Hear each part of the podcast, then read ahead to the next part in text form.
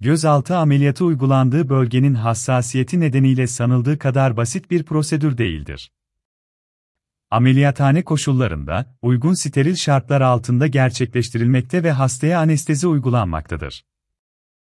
Gözaltı torbası ameliyatı öncesinde hasta muayene edilmeli ve muayene esnasında göz bölgesinde bulunan tüm kusur ve belirtiler incelenmelidir. Bu incelemeler sonucunda ameliyatının hangi teknik ile yapılacağına cerrah tarafından karar verilmektedir. O aşamada göz sağlığı ve genel sağlık durumu ile ilgili mevcut durumlarda doktora bildirilmelidir. Gözaltı torbası ameliyatı 1 saat civarında sürmektedir.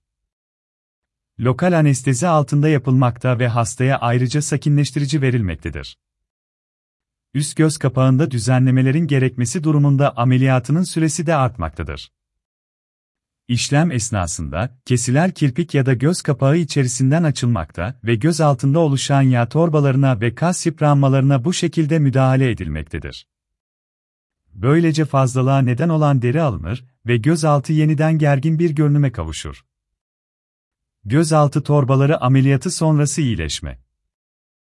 Göz kapaklarında ödem ve morluk oluşması beklenen bir durumdur. Bu durumda soğuk uygulamaları ve yüksek yastık ile uyuma tavsiye edilmektedir.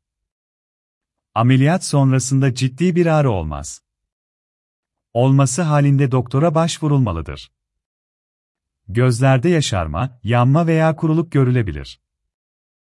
Ödem azaldıkça bu komplikasyonlarda da gerileme meydana gelir. Dikişler 3-5 gün içerisinde alınır. Hasta operasyondan bir hafta sonra işine ve sosyal hayatına dönebilir. Ameliyattan sonra hastanın kan basıncı takip edilmelidir.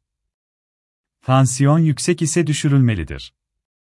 Şiddetli öksürük, hapşırık ve ıkınmadan kaçınılmalıdır. Ağır kaldırılmamalıdır. Kan sulandırıcı ilaçlar kullanılmamalıdır. Ameliyat sonra en az 2 hafta ağır kaldırılmamalıdır. Ameliyattan bir hafta sonra kontak lens kullanılabilmektedir. Ameliyat izleri ilk haftalar makyajla gizlenebilmektedir. Zaman geçtikçe izler ince ve ten rengi bir hal alarak fark edilmemektedir.